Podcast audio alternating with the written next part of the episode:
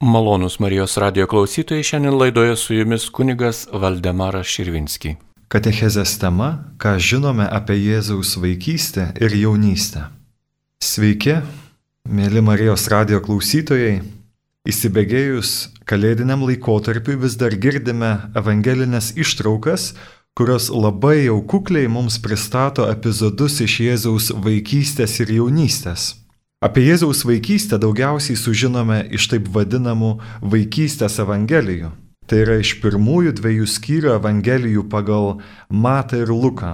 Pats katalikų bažnyčios katekizmas nuo 514 numerio, jeigu atsiverstumėt, šios stygiaus, kad mes nieko nežinome arba mažai žinome apie Jėzaus vaikystę ir jaunystę, nedramatizuoja, o pabrėžia, kad Daugelio žmonių smalsumą žadinančių dalykų iš Jėzaus gyvenimo Evangelijose iš tiesų nėra. Beveik nieko nepasakyta apie jo gyvenimą Nazarete, nepasakoma ir apie didelę jo viešojo gyvenimo dalį. Bet kas yra Evangelijose surašyta? Surašyta tam, kad tikėtumėte, jog Jėzus yra Mesijas, Dievo sūnus ir tikėdami turėtumėte gyvenimą per jo vardą. Jono 20 skyrius 31 eilutė. Taigi pradžioje katechezės be baimės reiktų savo įsivardinti, kad iš tiesų Evangelijos neaprašo viso Jėzaus gyvenimo. Daug kas lieka slėpinio. Už to, kas jo žemiškajame gyvenime buvo matomas, slypė neregimas jo dieviškos sunystės ir atperkamosios misijos slėpinys. Ir tolimesniuose numeriuose katalikų bažnyčios katekizmas mums primins, kad visas Jėzaus gyvenimas, visas yra tėvo prieiškimas, jisai nori mums atskleisti tėvo veidą, tėvo meilę, e, tėvo svajonę dėl kiekvieno žmogaus, kad jis būtų laimingas. Visas Jėzaus gyvenimas turi atperkančią reikšmę, tai yra atpirkimo slėpinys Visas Jėzaus gyvenimas tai yra visų vienybė su juo kaip galva, atkūrimo slėpinys ir visas Jėzaus gyvenimas, katalikų bažnyčios katekizmas sako, yra skirtas kiekvienam žmogui ir dėl mūsų. Kodėl? Dėl to, kad Jėzus trokšta būti mums pavyzdys. Ir toliau, jeigu skaitytume katekizmą, jis pristato mums įprastą teologinį suskirstimą Jėzaus gyvenimo į tris dalis turbūt nekartą jau esate girdėję, pasikartosime, bet a, taip jau yra, kad tie dalykai yra susiję, tai paminėsiu, kad yra a, trys etapai, galima sakyti, Jėzaus gyvenimo. Pirmasis tai yra paslėptasis gyvenimas, antrasis tai viešo gyvenimo slėpiniai ir trečiasis Velykiniai slėpiniai. Viešo gyvenimo slėpiniai tai nuo krikšto iki išdavimo, Velykiniai slėpiniai tai kalba apie Jėzaus mirtį, prisikelimą ir dangun žengimą. Mes šioje katechezėje atkreipsime dėmesį Jėzaus vaikystę, jo paslėptojo gyvenimo slėpinius, katalikų bažnyčios katekizmas mini juos keturis - Jėzaus apipjaustimą aštuntą dieną, kai tuo jis buvo priskirtas Abraomo palikuonėms, kuris tai apipjaustimas buvo sandoros ženklas, krikšto pirmavaizdis mes dabar sakome, antrasis įvykis tai Jėzaus paukojimas, trečiasis bėgimas į Egiptą ir tas Jėzaus atradimas šventykloje. Tai yra vienintelis vaikystės pasakojimas, kurį mes randame Evangelijose, iš kurio išnyra Dievo sunaus misija. Taigi apreikšta, kad jis buvo klusnus tevams ir kad augo išmintimi metais ir malonė Dievo bei žmonių akise. Taigi Jėzus beveik visą gyvenimą gyveno kaip paprasti žmonės - žydų įstatymas, darbas, Ir tai padeda išgyventi e, Jėzui kasdienybėje - tyla, namai, šeima ir darbas. Tai, kas ir mums kiekvienam yra būtina, reikalinga, kad auktume, stiprėtume ir būtume laimingi. Nors Evangelijose mažai pasakojama apie Jėzaus vaikystę, tačiau daug daugiau dalykų yra aprašyta taip vadinamuose apokrifuose. Tai yra knygose dėmesio, kurių bažnyčia neįtraukia į oficialiai pripažintą šventojo rašto kanoną arba kitaip sakant šventojo rašto įkvėptų knygų sąrašą. Apokrifai pats žodis reiškia iš graikų kalbos apo paslėptas, kryfos raštai, taigi kalbame apie paslėptus raštus, apie paslėptus dalykus, Taigi, bet dėmesio, mėly Marijos radio klausytojai, kad nebūtumėt vėliau pasipiktinę, tai yra raštai netapę krikščionių šventojo rašto dalimi. Mes neprivalome jų skaityti, neprivalome jais domėtis ir visiškai neprivalome jais tikėti. Kodėl jie netapo krikščionių e, šventojo rašto knygų dalimi? E, dėl to, kad krikščionių naujojo testamento kanonas, knygų visuma, jau buvo beveik galutinai susiklostęs antrajame amžiuje, ką liudija to meto rašytiniai šaltiniai išlikę iki šiandien dienos. Nėra abejonių, kad keturios Evangelijos, kurių mes klausome kas sekmadienį, skaitome mūsų šventajame rašte, kurias pripažįsta krikščionis, nors rankraščiuose jų autorius nenurodomas, priklausė apaštalų ar jų artimiausiųjų mokinių autorystiai ir visos buvo parašytos pirmajame amžiuje. Galbūt Luko ir Jono Evangelijos galėjo būti baigtos antrojo amžiaus pradžioje, bet ne vėliau kaip 110 metais. Jos buvo žinomos pirmiesiems tiesioginiams apaštalų mokiniams, tai ir šventajam Klemensui Romiečiui, Ignotui Antiochiečiui, Polikarpui, kurių raštus taip pat turime ir kurie jas, tas Evangelijas citavo. Todėl šventasis Irenėjus Lionietis gyvenęs antrame, trečiajame amžiuje, pats būdamas apaštalo Jono mokinio Polikarpo mokinys, neturi pagrindo meluoti, kad kai antrajame amžiuje rašo, kad krikščionis pripažįsta keturias Evangelijas, nes jos yra dėmesio, tai skiria Tai yra esminiai skirtumai tarp Evangelijos raštų ir tarp apokrifų. Nes Evangelijos yra apaštališkos kilmės, moko tikrojo tikėjimo ir skaitomos jų susirinkimuose. Tai reiškia, pirmųjų krikščionių bendruomenėse yra paplitę šie raštai, jie yra pripažįstami kaip apaštalų raštai, kaip Dievo įkvėpti ir jie yra skaitomi liturgijai. Taigi apokrifinių Evangelijų raštų yra išlikę tikrai daug, jos tie raštai nėra sunaikinti ir yra mokslininkų ištirti.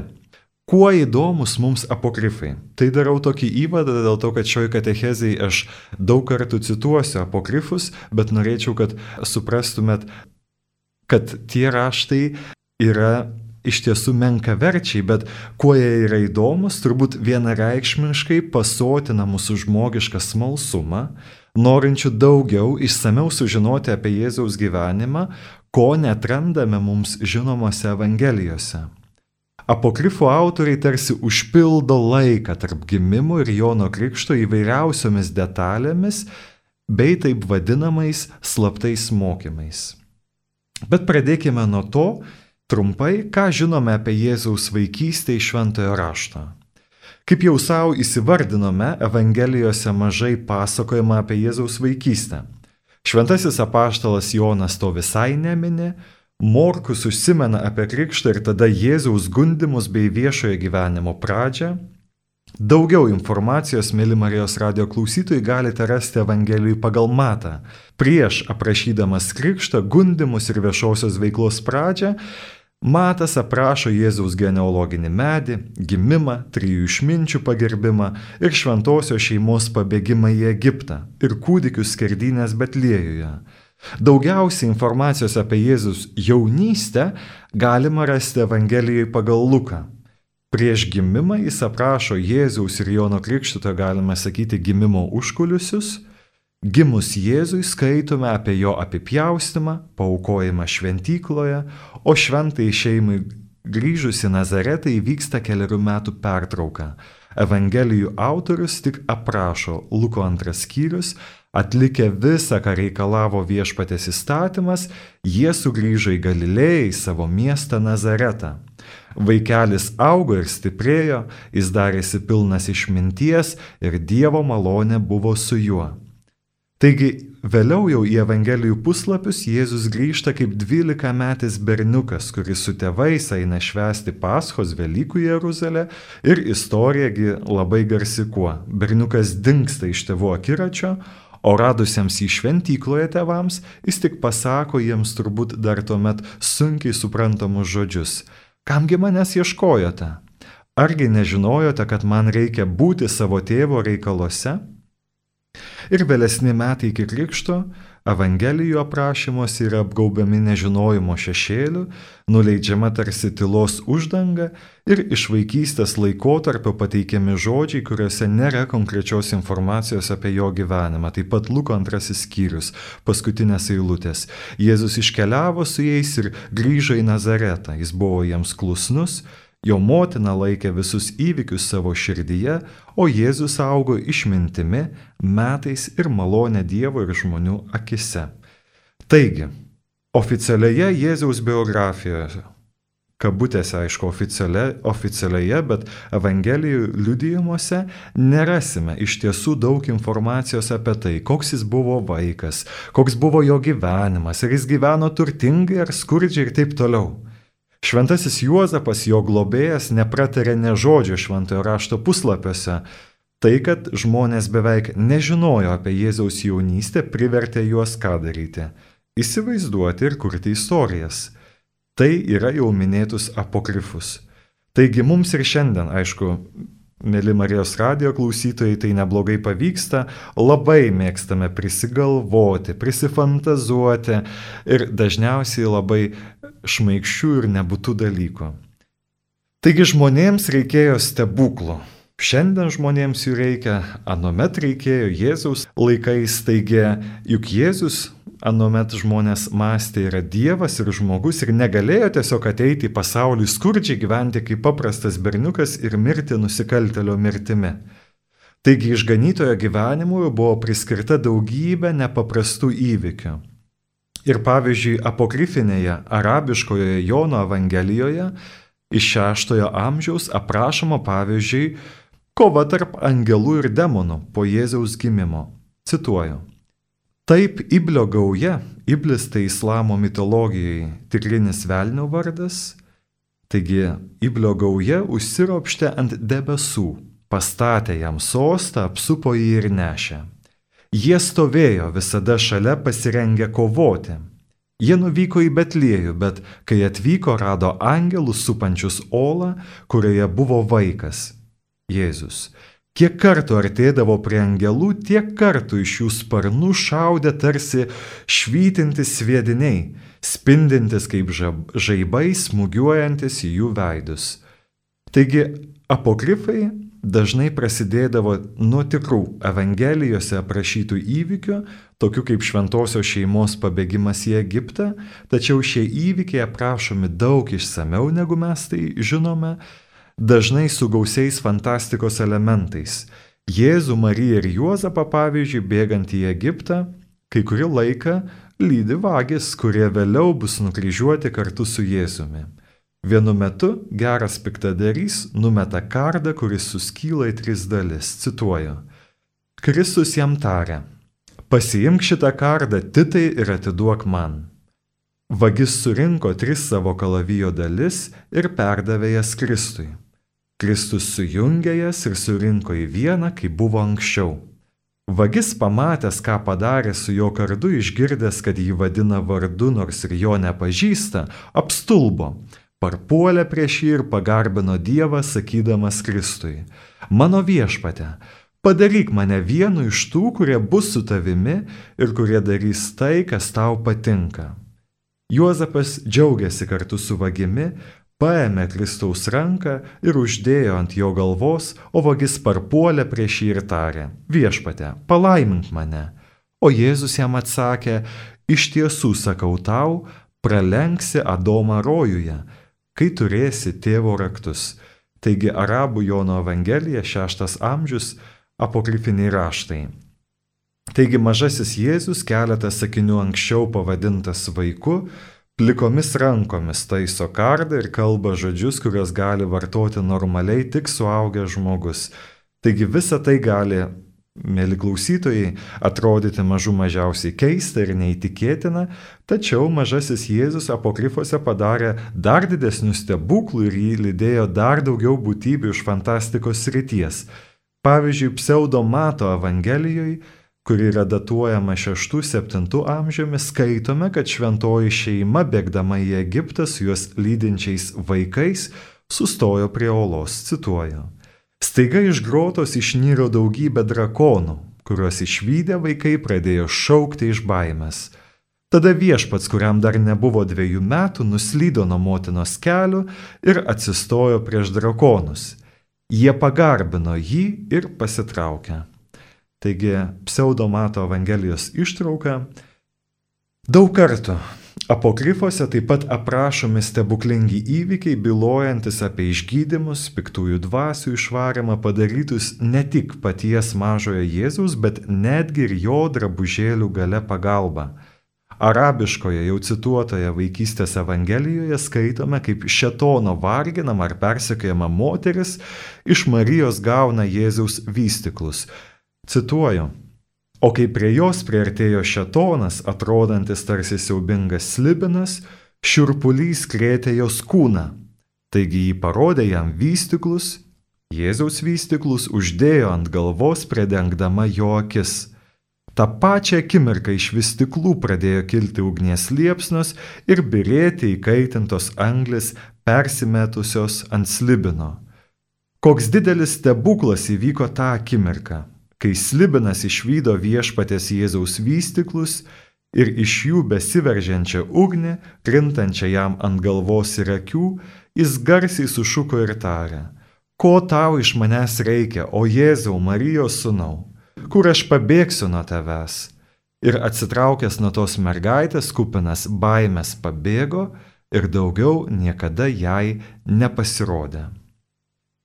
Taigi, suprantu, kad kelia šypseną jums šitie atsitikimai, bet tai tik parodo, kiek žmonės e, buvo smalsus ir kokie kūrybingi. Taigi stebuklai stebuklais, tačiau apokrifai taip pat apibūdina ir Jėzaus vaikystę ir tai, ką Jėzus darė vaikystėje.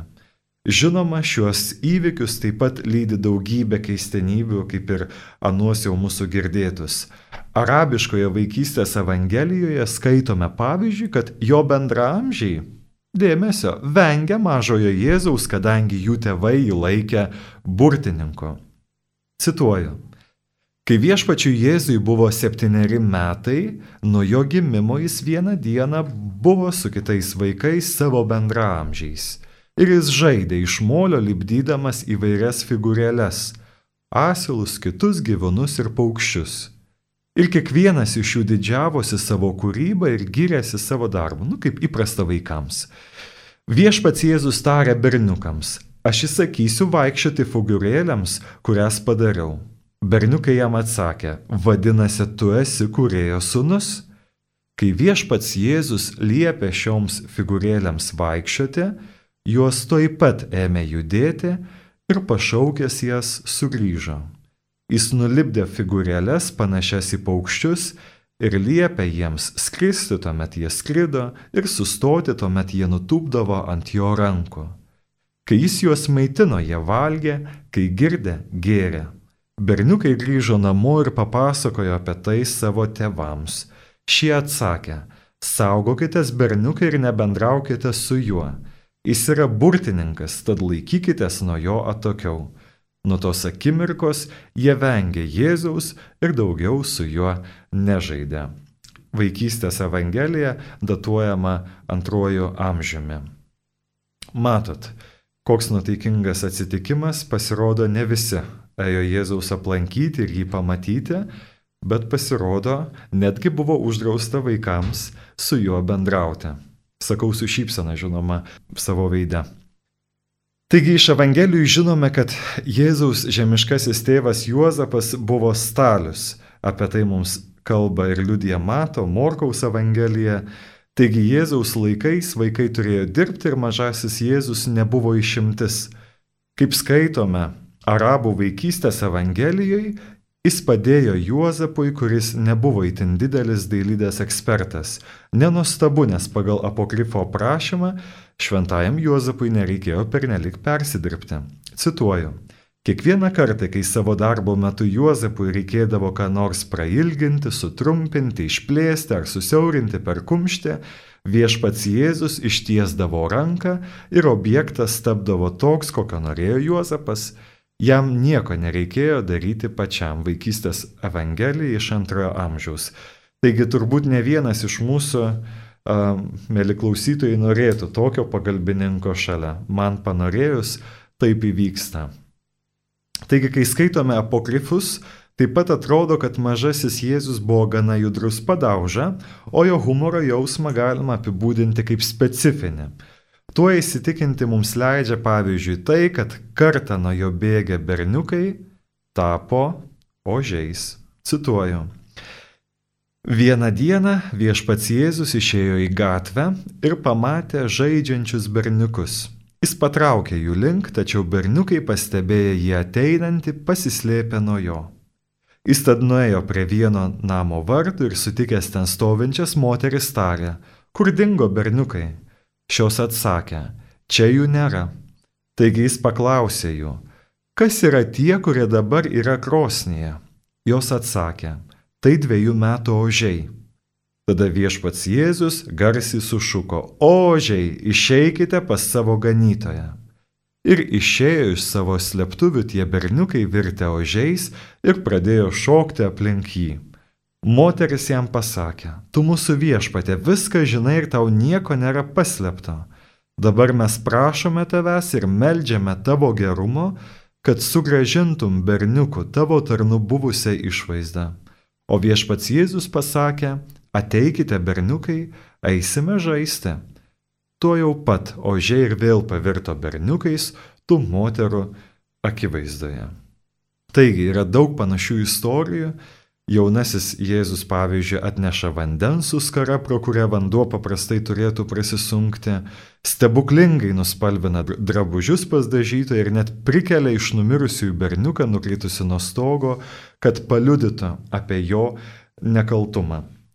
Mėly Marijos radio klausytojai, kurie dabar klausėte šių neįtikėtinų tiesiog istorijų keliančių e, šypseną, visą tai, ką skaitome, nors e, tikrai gali stebinti, o gal netgi kažką papiktino, tačiau daugelis šitų apokrifų atsirado grįsti gerais ketinimais. Iš tiesų, šie nuotaikingi ir vaizdingi pasakojimai turėjo paliudyti tikėjimo tiesas, labai dažnai anomet puolamas pagonių ar žydų.